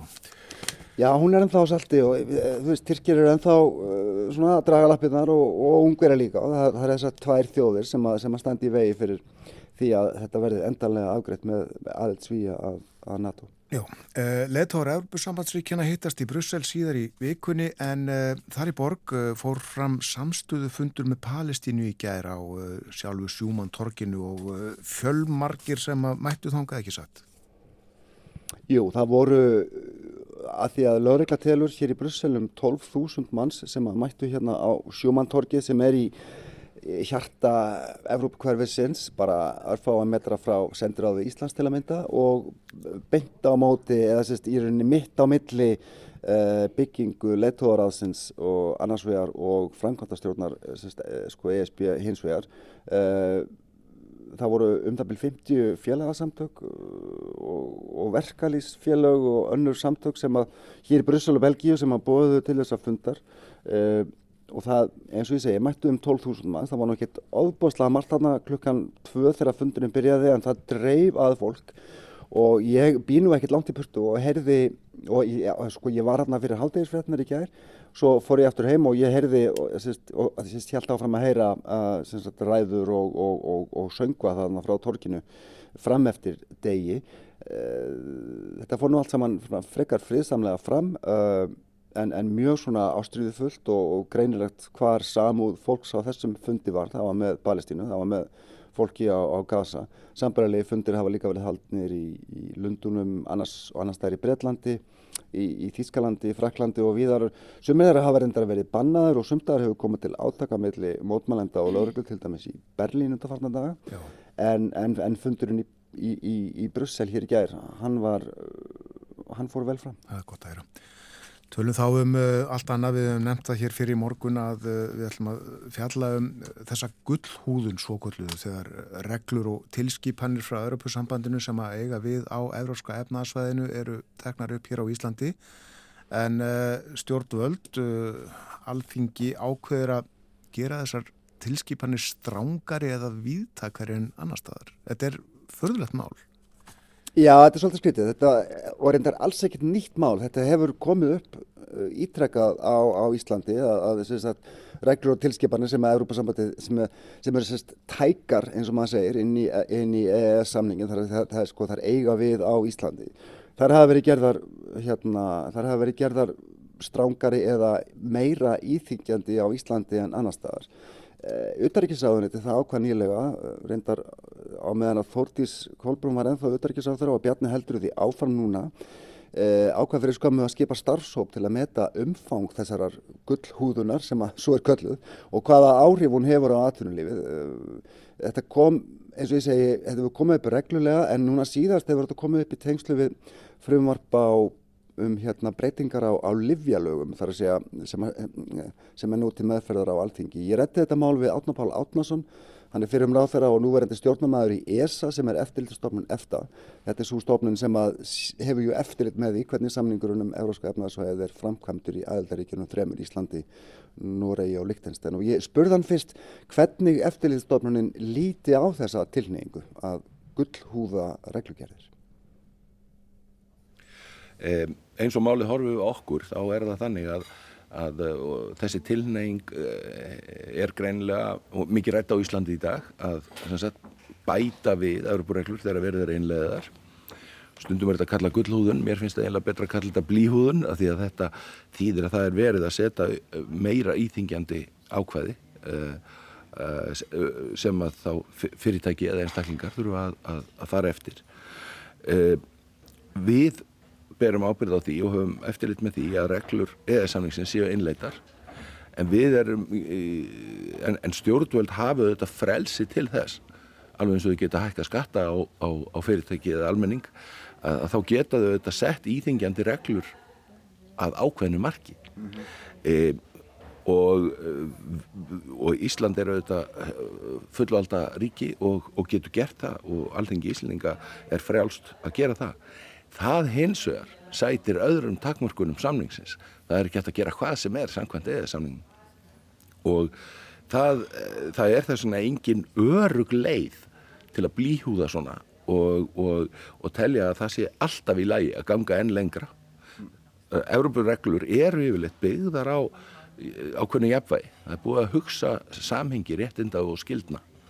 Og ef að síðan ákveðið er að auka við skildurnar þá raskast auðvitað þetta jafnvegi og þetta, þetta hefur áhrif á samgefnistöðu uh, þess lands sem fyrir verður ef að fyrirtæki þar þurfa að búa við, við um, meiri á þján og, meiri byrdi, reglubyrdi heldur en uh, fyrirtæki í öðrum samkefnislöndum. En hvað með ykkar hlutverk sem, jú, eftirlit stofnunar, þið, þið hafið eftirlit með því að samningnum um európska efnaðarsæði sé, sé framfyllt og þeim tilskipunum sem eru teknar upp uh, sagt, í viðkomandi ríkjum. Uh, ég meina, getið þið, þið Sérst, lendur það á ykkur að, að, að, að hafa eftirlit með því að þessi blíhúðun, hún sé, hún sé, hún sé virt, þar sé að þessar, þessar, þessar, þessar svona auka uh, reglur, það séu virtar til dæmis í Íslandi? Nei, við, við fylgjumst bara með því að, að, Evrópu, að réttindin og skildurnar sem að Evrópureglunar hveða áum að það sé réttilega einleitt og, og það sé virkt og við verðum síðan alltaf að meta það í hverju tilviki hvort að þegar að kemur til, að svona uh, blíhúðun hvort að verið sé að fara offari og kannski þá uh, innlega reglur með þeim hætti að það geti gengið á svegu við önnur ákvæði samningsins. Mm -hmm sem dæmi þá hefur því verið veld upp í umræðinni um, um, um, um livjafrömmarpið sem núna er fyrir, fyrir alþingi að um, þar sé gengið svo langt að, að, að það er í raunin og veru verið að mæla fyrir um að samkeppnisaðilar deili samkeppnisupplýsingum uh, á millisín. Það eru þetta stennst ekki samkeppnisákvæði samlingsins og ákvæði uh, eða samlingsins um, um bann við, við samráði hafa lagagild á Íslandi og við auðvitað munum þess vegna alltaf þurfa að skoða innleiðingu uh, með þeim út frá því er með innleiðingunni ef er að bæta við uh, reglubyrðina uh, og gera hana meira íþingjandi er verið að brjóta mögulega einhver önnur ákveði samlingsins Þessi tilskipinu Európa-sambandsins, eh, hvað var það lif, hún gengur svona, er það ekki grundvaldar atriðum út á, út á í rauninni gagnagrunn um nöðsynleg lif sem að, sem að hérna, ríki eiga að hafa svona, já, bókaldum, en, en Íslandingar ætla að ganga lengra eða eitthvað? Já, meða við það sem að maður sér að fréttum og meða við það sem að maður uh, heyrir í umræðinni, þá, þá, uh, þá, þá, þá verðist það að vera uh, staðan. Og þá auðvitað er það mjög mikilvægt að hafa það í huga. Við höfum ekki eftirlit með þessari tilskipuna því hún er ekki komin inn í EES-samningin mm -hmm. við munum hafa eftirlit með henni þegar hún kemur inn í EES-samningin og að hún sé réttilega innleitt en það er auðvitað íslenskra stjórnvalda og alltingis íslendinga að meta það með eitthvað hætti uh, á að innleiðana um, og ef að menn vilja nota ferðina til að auka álögur á fyrirtæki þá er það sjálfstætt val stjórnvalda og, og, og alþingis. En það er ekki eitthvað sem að Evrópureglunar kalla á langt í frá. En þetta skapar þetta ekki þá hættu að, að, sko, mm, að, að EES-reglunar, það verður litið á þær í rauninni sem, sem íþýkjandi, ekki vegna þess að þær komið frá Brussel, heldur vegna þess að þær komið frá alþingi. Það er auðvitað þess vegna mjög mikilvægt að hafa það í huga að og, og, og alveg, hafa það alveg skýrt í allri umræðu að það er ekki svo staðrend að þessar reglur eru uh, settar sem kallar á þessa blíhúðun það er sjálfstætt val stjórnvalda við og, og alþingis þá við innleiðinguna ef að, ef að það verður neðustan og, og reglunar eins og ég sagði áðan eru yfirleitt settar með þeim hætti að það er búið að huglega ítalega uh, jafnvægið á milli réttinda og skildna og, og, og það er daldið varhugavert, myndi ég nú bara segja almennt séð út frá svona lagateknilegu sjónamiði að, að byrja síðan að bæta við skildurnar á þess að hafa í huga að það er þá að, þá, e, þá er þetta jafnvægi uh, í uppnámi. E og, og fyrirtækin á Íslandi þau eru auðvitað í samkeppnu með önnu fyrirtæki á eurósku markaði. Og þau fyrirtæki á hennum eurósku markaði þau búa við regluverk sem að á að vera samkynja. Það er hugmyndina baki eurósku efnaðasvæðinu að samkeppnin sé á jöfnum forsendum en með blíhúðun þá er náttúrulega bara verið að setja setja íslensk fyrirtæki eh, í, í, í, í þá stöðu að, að, að, að hlaupa 100 metra hlaup með, með eh, blíklömp í bakboka. Þetta var Árnum Páll Árnarsson fyrir um alþengismadur og ráðherra nú stjórnarmadur í ESA eftirlitstofnun EFTA í Brussel. Björn Málkvist rætti við hann um uh, það sem kallaði yfir í gullhúðun en uh, Árnum Páll kýsa að kalla blíhúðun. Og það verður forðlegt að fylgjast áfram með þessu máli með uh, því sem að starfsópur sem við myndust á hér á þann sem að auðarriksráð þeirra hefur skipað eða ætlar að skipa eða ætlaði að skipa allavega að, að hverju hann kemst í sinni aðtun. Það líður að fréttaði liti, það kemur eftir fimm minútur Erum fyrst auglýsingar eftir fréttaöfli til verið Kolbrún Haldurstóttir með okkur. Við ætlum að tala um hvenna fríð, hvenna verkvallið á morgun.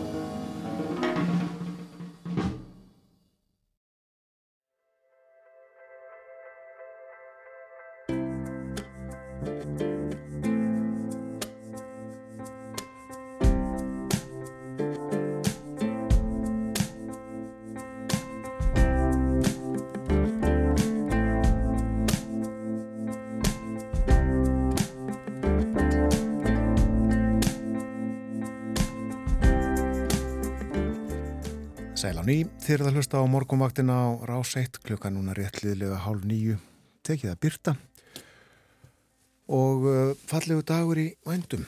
Hér næstu mínútur ætlum við að fjalla um morgundaginn 24. og 4. oktober. Þá verður hvenna uh, verkvall eða hvenna frí bæði notað og uh, hér við borðið sest Kolbrun Haldurstóttir formaður BHM en uh, BHM meðal þeirra samtaka og félaga sem að standa að aðgerðunum á morgun sem eh, framfara um allt land. Velkomin til okkar. Takk fyrir. Hvort talað þú um hvenna frí eða hvenna verkvall? Sko, við tölum um hvenna verkvall núna en það er náttúrulega á sig sögulega skýringu vegna þess á sínum tíma fyrir 48 árum þá tókust konur á um það hvort að það ætti að kalla daginn sem þá var í, í undirbúningi verkvall eða frí. Og frí varðu ofan á og það var svona ákveðin hópur róttakra hvenna sem var mjög súri við því. Þannig núna fá þær uppreist næru og við kvöllum þetta hvenna verkvall en auðvitað er þetta hvorki frí eða verkvall skiljið þetta er náttúrulega ekkert, verkvall í, í sögulegum skilningi eða þú veist í hérna lagalegum skilningi þessu orðs. Þetta er bara baráttu dagur Já, já. Hvernig finnst þér þessu að hafa verið tekið í samfélaginu uh, svona umræðina að dæma síðustu dag og vikur? Sko almennt mjög vel Það var náttúrulega gefið út svona formlega svona fyrir þrejum, fjórum vikum að þetta staði til. Það erði haldið upp á daginn og það erði blásið til svona stóra funda út um all land. Þá vor, var búin að standa undirbúningur í nokkur tíma og þetta er náttúrulega, þetta er ykkur týjir hvenna svona sem sagt samtaka og svo held, heldasamtök launafólks sem að, að eru svona í þessari baróttu núna undirbúningnum og almennt finnst mér bara þess að hafa verið tekið rosalega vel og mér finnst mikil spenningu fyrir deginum við finnum ekki annað en svo vitum við náttúrulega um leið og kemur einhver svona neikvæð rött mm. þá er svo skrítið hvað hún fær oft mikið pláss í umræðinni og það er akkurat það sem búið að gerast kannski svona síðustu daga. En í heildina finnst mér bara að vera uh, skilningur á því að verkinu er ekki lokið konur bara búa ennþá við þann veruleika að þær eru lægra launasettar heldur en kallmenn, þær bera meiri ábyrð á þriðjuvaktinni, badnauppbeldinu og svona félagslegum þáttum fjölskyldunar og svo erum við náttúrulega líka bara með nýja hópa, minna við erum Þetta höfum við hérna, verið að berjast í þá fallara hvenna og, og, og hérna, hvenna velendum uppruna og þær eru með líka núna. En svo höfum við tekið sko hinsegin fólk inn í þetta núna því við erum bara að sjá í konunum sem gerðir eru til dæmis að vettvangi launafólks að þar er líka jáðarsettur hópur og þá erum við að tala um launalega og uh, við tökum þau bara inn núna og, og það finnst mér líka bara sína að við erum alltaf með, það er þróun í þessum málaflokki og sigurinn er ekki unnin. Já, Já þú nefnir þessa hópa uh, sko og verið að berjast fyrir þessa hópa líka en vitið eitthvað um sko þáttökuna því það hefur líka kannski svolítið verið talað um það til dæmi sem er konur af erlendum uppruna sem eru kannski líkleri til þess að vera í lálina störfum, störfum þar sem er erfiðara kannski að ganga út á morgun. Já, sko við náttúrulega getum ekkert auðvitað að vita fyrirfram með þáttökuna. Hins vegar höfum við sem höfum verið í þessum undirbúningi gert allt sem við getum til að ná til þessara jáðarsettu hópa, hópa sem erfitt er að ná til. Mm. og þetta er einmitt hópu sem mjög erfitt að ná til. En við erum með eh, fél, félagskap sem er hvenna verlendum upprunna, við erum með ASI, við erum með eh, svona aðgang að þessum hópum þannig að en hvað gerist síðan á morgun verður eiginlega bara komið ljós en við höfum reynd eins og við höfum getað að ná til þessari hópa líka. Þetta er mjög breytt, það er fjöldi félag og samtaka sem að standa að þessu og ekki bara uh, verkalýsfélag eða, eða verkalýsreyfingin sem slík, þarna eru líka til dæmis aflið, uh, þarna eru druslubækur og doðrandar og druslugangan og feminísk fjármál og uh, þarna er líka félag um fjöru verðlunin, hagsmunarsamtök knaspinu hvernig eru þarna? Þarna er líka knús.is, knús með setu. Og uh, svona get ég haldið áfram. Hvernasögu sapnið, rótin samtök starfsmanna fjármálafyrirtækja og uh, fleiri fleiri einallega ég nefna hérna já Women Tech Iceland konur í uh, tæknisamfélaginu. Þannig að þetta er ofbúslega breytt. Mm -hmm. Þetta sínir okkur bæði að baráttan er, hún lifir alveg góðu lífi og það eru uh, í öllum kímum samfélagsins átt að konu sig á því að það er drópin sem hóla steinin og þess vegna er þetta í öllum geirum samfélagsins, þar finnur þið fyrir því að konur þurfa að standa saman vegna þess að þetta er kerfislega mismunum sem er í gangi og hún er ekki bara hjá lálaunakonum eða, eða hjá jæðarsettum hópum. Ég minn í mínum hópi, ég minn að við erum með 28 félög háskólamentara undir BHM og við erum að lesa í okkar könnunum að uh, konur eru settar í lægri grunn launaflokk segjum bara í fjölmennum hvernastjættum og borði það, það er sem er í heilbríðsgeranum þær eru bara hjá, ofinber, í, á ofinbæramarkanum þá er þær grunnlauna raðar lægra heldur en til dæmis kallmenn sem hafa sambærlega mentun en fara í kannski einhvers konar skrifstofstörf og við erum að sjá um, að hérna háskólamentun hvenna hún bara borgar sig en allavega verð heldur en háskólamentun kalla þá er ég að tala um bara ábatinn af mentuninni launalega séð yfir starfsæðina Þannig að þess vegna segi þetta er ekki á ekkert bara við um lálennu konur eða jáðarsetta hópa, þetta á við konur í öllum geirum samfélagsins. Já, og uh, bara tóna morgunni þetta snýst ekki bara um laun, heldur uh, um allt kynbundi misrétti. Já, sko, þegar að uh, blási var til þess að hvenna frídags á, á sínum tíma fyrir 48 árum, þá var yfirskriftin ekki bara sko launajabrétti, heldur var það sko jabrétti, uh, framþróun og fríður. Þetta voru, hérna, þetta voru slagorðin þá. Og núna höfum við ákveðið að taka ofbeldið inn í, í baráttu dagsins á morgun.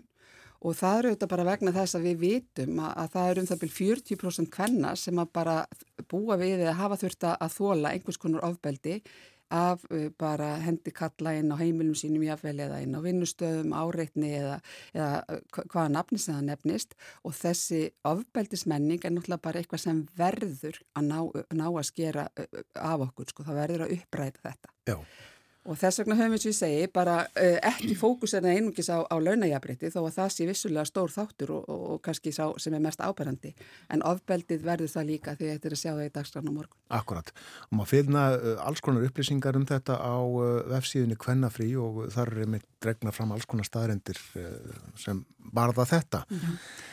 Er það þess vegna, uh, Kolbrún, þú, eins og þú segir, það er ekki lengur, það hefur kannski síðustu skipti verið svolítið uh, talað og fjallað um launamunum og þá hefur þetta verið reiknað út og konar hafa gengið út á einhverjum ákveðnum tímapunkti en er það þá af því að þetta er uh, svona viðfemmara sem að núna á að leggja niður störfi heilandag? Já, þetta er Það er nákvæmlega þess vegna Já. og þessi ofbeldisvingil hefur náttúrulega verið tekin inn líka vegna þess að það hafa verið að sapna saman konur á uh, Erlendis sem hafa verið að reyna að skera upp herur gegn ofbeldi sem konur verða fyrir og það er svona hluti af inspirasjóninni kannski fyrir þessu er komin utanlands frá.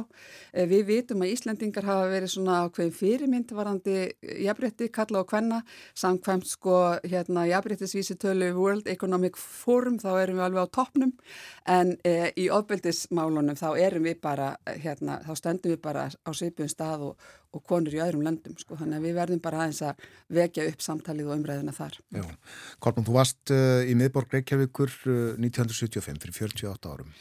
Já, sko ég, náttúrulega, ég get ekki sagt að minningi sé mjög skýr en ég var semst þá tvítur háskólanemi, eða lista háskólanemi, ég var í leiklistaskóli Íslands, komin á annað ár og ég man að við gengum yfir Arnarhólinn, ekkert skóla sískinni og ég man að ég komst aldrei lengra heldur en að stjórnráshúsinu og þar stoppaði ég vegna náttúrulega fjöl, fólksfjöldans, við vorum í Lindarbæð þar, að, lærðum, það var skólinn okkar og ég man ekki til að ég hafi sko heyrt mikið það séð vel á litla sviðsvagnin á torkinu en síðan náttúrulega þegar maður fór að sjá upptökur og, og hérna sjó, sjó, sjónvarpið útvarpaði að sjónvarpaði náttúrulega ræðu aðaliðar heiðir Bjartveistóttur og allir þessu sem að gerðist þá er, verður minningin sterkari fyrir vikið sko já. en já, ég stóð þarna Aðalhegur já eh, með ræðuna en uh, það voru mikið, er það ekki listakonur og ekki síst leikkonur sem að stóða að þessu?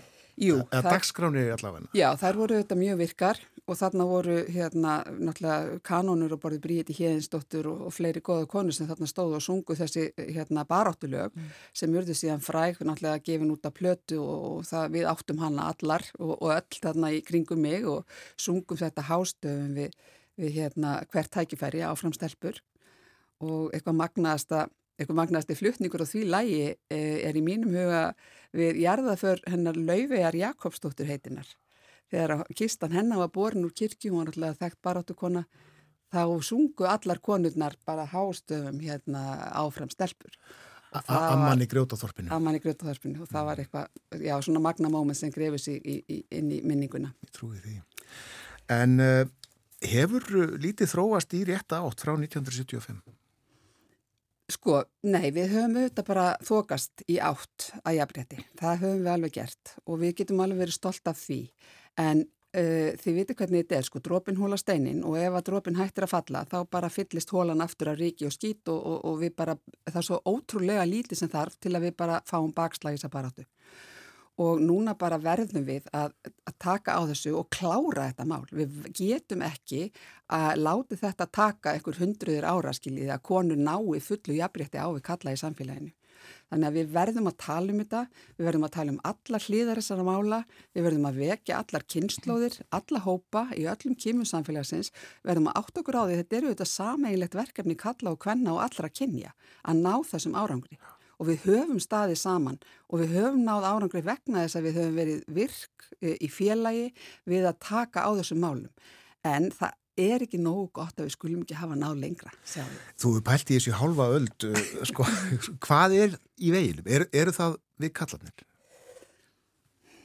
Þetta er náttúrulega, sko, það er mjög erfitt að setja sög á einhvern auðvitað er þetta ekki kallarnir, þú veist, það er bara, það er samfélagsgerðin, Minna, það er vannmat, uh, kerfislegt vannmat á störfum hvenna.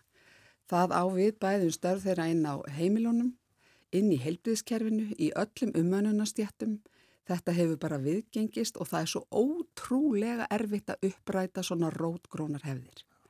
En eins og ég segi, það er ekkert hægt, það er ekkert sko sem getur gert það, annað heldur en baráttan. Þetta er bara barátta sem breytir heiminum og það er það sem við erum enn að gera. Við erum að reyna að breyta heiminum. Við vildum gætnan geta haft meiri áhrif til, uh, í átt til fríðar í heiminum. Munið það þarna 1975, þá var fríðabaráttan ótrúlega stert ákall til uh, hérna á sama tíma og jafnbrytisbaráttan var sterk. Það er sannlega ekki vanþurfa á því að taka það ákall núna. Og eru það konur sem stjórna heiminum? Eru það konur sem eru að reka þennan ófrið fyrir botni miðarhafs núna? Eru það konur sem eru í talibanastjórnin í Afganistan? Nei, það er auðvitað alveg rosalega stort þetta vandamál þegar við horfum til heimsins alls og Ísland hefur á, á þeirri gæfa að vera brautriðendur í kynjajabrétti og við viljum bara halda þessu merki hátt á lofti hér á landi og það að efna til hvenna verkvælds á morgun er bara liður í því. Já, þú varst á uh, þinginu í uh, tvö kjörtumabilið ekki? Nei. Þrjú? Já, rúm þrjú. Rúm þrjú? Tíu ár. Ég reyndi nú aðeins að, að hérna... Ég ætla að segja sko, hvernig fennst þetta að vera á þessum pólitiska vettvangi? Umræðunum þessi mál og, og svona viljin til þess að, að breyta hlut? Sko bæði, já og nei, bæði góður og ekki góður. Sko við hérna búum við þetta við það, við erum komið með ansi hérna góða þáttöku og, hérna, og mikla og sterka þáttöku hvenna í pólitík. Uh, konur eru kannski samt núna sterkari á sveitastöldnastíginu heldur heldur en akkurat á þinginu. Það er ekki af því að það sé ekki nógu margar. e, það er eitthvað við pólitíkin okkar sem gerir það verkum að konur forðast að taka þátt í henni. Og endast stundum stittra og já, já, þetta maður brennur alveg rosalega rætt upp í pólitík. En það er líka svolítið vegna þess, þess uh, vanda sem við erum að etja þar.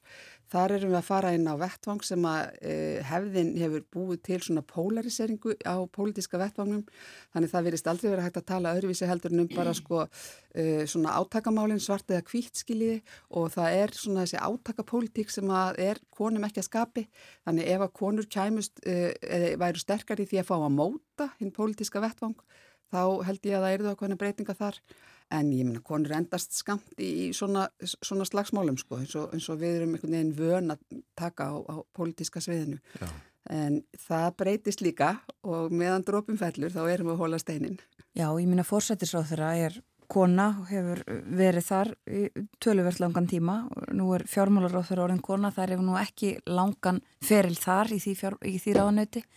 En það er svona ímislegt svona sem að... Já, takk ég bara eftir einu. Ég held að það, að, að kona í fórstræðara hafi svolítið með það að gera. Við erum til dæmis að reyna að vinna meira þverfaglega heldur en við höfum áður gert. Það eru oftar uh, sett á staðverkefna sem fleiri ráðuneyti heldur en eitt koma af að það er til dæmis verið að reyna að brjóta upp svona sílóstemninguna í stjórnsýslinni.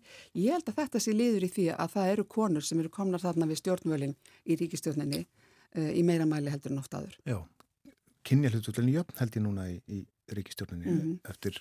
Fyrsta ríkistjórnin sem var mjög jöfn kynja hlutvöld var minni hlutastjórnin sem ég átti sæti. Já.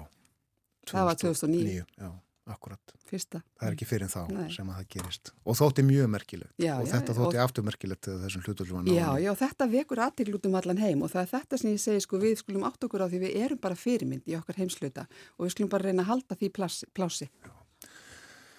Þú uh, berst í dag og hefur barist lengi, ég sagði að það er búin að berjast fyrir jafnrétti í, í, í 50 ár. Uh, þú varst bara barnung, þú sagði mig frá því í viðtali fyrir nokkrum árum barnung, þá varst að, að berjast gegn niður yfir litlu brekku. Mannst eftir því við suðugutuna. Mannst þú eftir því? Ég mann eftir því, ég, þetta er hérna, eftirminnlettu viðtal. Það ráttu nú verkefælsfóringi heima. Það er mitt, akkurat, eða var það ekki satt. Jú. En, en þú varst undir þar og, og aðri sem að vildu halda, halda litlu brekku en hvað, hvað drýfur þið áfram í, í baráttunni kolbúnum? Það kemur náttúrulega bara eitt hugtak upp í hugan sko, það er bara réttlæti, það er bara réttlætis ást og, og það að, að veist, þau sem geta lagt loða óaskálarna til samkjarnara samfélags, mér hefur alltaf fundist að þau þurfa að gera það og ég er bara eina af þeim sem að bara svara því kalli. Og alltaf næg orka? Já, já, já. Það vantar ekki. Það fyrir ekki að láta dega síga eins og ég segi. Þetta er bara baráta sem að breytir heiminum og hver vil ekki breyta heiminum og núna erum við að koma saman undir þessu sko merki. Kallaru þetta jafnrétti, mm. þó við höfum færst úr stað, þá erum við ekki komin alla leið. Það er ennþá uh, þörf fyrir barátuna. Já, og þú uh, nýjórðin formaður BHM, uh, sko, BHM á ámali í dag. Heyrðu, það myndið þú líka, þakka þið fyrir það. Bandalagi var stopnað fyrir 65 árum. Nákvæmlega og mér finnst þetta hérna, ég veit ekki hvort að ég á skamast mér fyrir það að við erum ekki að blása til ammælsfagnar en, en hérna 65 ár er náttúrulega svolítið láfangi. Já, alltið vel bara upp á 70 ára ámælið. Eh, ég fann frétt frá uh, morgumblæðinu, það sem sagt frá, frá stoppfundinum og uh, það var fimmannastjórn og, og svo fimmannavara allt kallar. Já, já. En það hefur nú breyst. Það hefur breyst. Nú er uh, í formanaraði BHM, ég man nú ekki alveg hlutvöldin en meiri hlutin eru konur. Já, akkurat. Kolbún, það uh, eru fundir uh, um allanda á Akureyri, Neskustad, Dalvík, Höfni Hortmanfyrði, Húsavík, Hvamstanga, Ísafyrði, Rauvarhöfn, Stikisólmi, Suðunössjum, Vestmanægjum og Víki Mýrdal og svo auðvitað í Reykjavík. Mm -hmm. En af því við blásum til heilstags þá byrjum við í Reykjavík klukka nýju fyrirmálið. Við ætlum að fara hressingagöngu í kringum tjötnina klukka nýju og veðusbáin er svo með okkur í liði. Einmitt. Það er alveg veðu blíða og við ætlum að hittast við yðn og klukka nýju og, og fara í kraftgöngu í kringum tjötnina. Já. Já. Þetta verður alveg öruglega eftirminnlegt. Mér finnst stemningin í samfélaginu einhvern veginn vera þannig. Já, ég er samanleikur. Ég bara að laka rosalega mikið til dagsins og hvet bara allar konur og hvar að koma nú bara út á gödurnar og, og fara í þessa skipulegu hérna dagskraf sem er út um allan, all landi, svo segir. Mm. Það er alls konar skiltamálun og það er morgunkaffi hér og það er, hérna, eru málfundir og það er alls konar á, ótrúlega spennandi viðbyrði. Þannig að þið sjáu að það er mikið stemning. Já. Og svo verður uh, viðbörðinum á uh, í Reykjavík, uh, já, hann verður í sjónvarpinu fyrir þau sem ekki komast. Já, já, það er Arnar Hóli klukkan 2. Það eru náttúrulega með frábæra skemmtikraft að raka gíslætlar að koma unna torfa, uh, heita er ekki sóðaskapur, stelpunna sem voru í músiktilraunum og kynnar verða hérna tvær leikonur, Aldís Ama Hamilton og, Ólafið Hrann Jónsdóttir og þarna verður semst klukkutíma stanslös baráttu dagskrá með tónlistarífafi. Og eins og þú nefndir, uh, veðrið hagstætt það klukkan tvö og morgun þá er ekki drópi úr loftin einstæðar á landinu sínist mér og hægur vindur. Þetta er svolítið kallt en það er ekkit sem að úlpa og húa geti ekki lagað. Nákvæmlega. Þakka þið fyrir að vera með okkur á morgunvaktinni Kolbrún Halldórsdóttir. Þakka ykkur fyrir.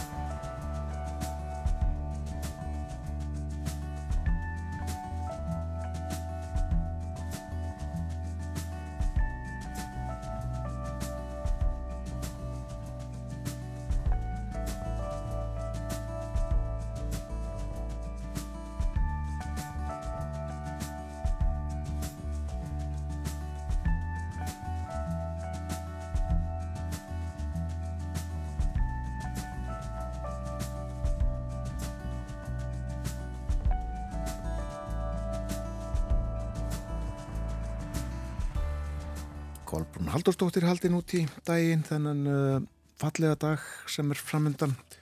Við töluðum um morgundaginn, hvenna fríð, hvenna verkvallið. Við öfðum hér í þættinum um uh, þennan dag í síðustu viku og uh, spurðum þá á þess að hafa svör hvort að alþingi myndi starfa á morgun.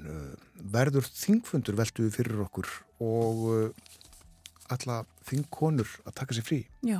Svo var það gefið út, uh, Katrín Jakobsdóttir var spurðað því uh, hvað hún hefðist gera og hún saðist ætla leggja niður störf og uh, um, gerir það.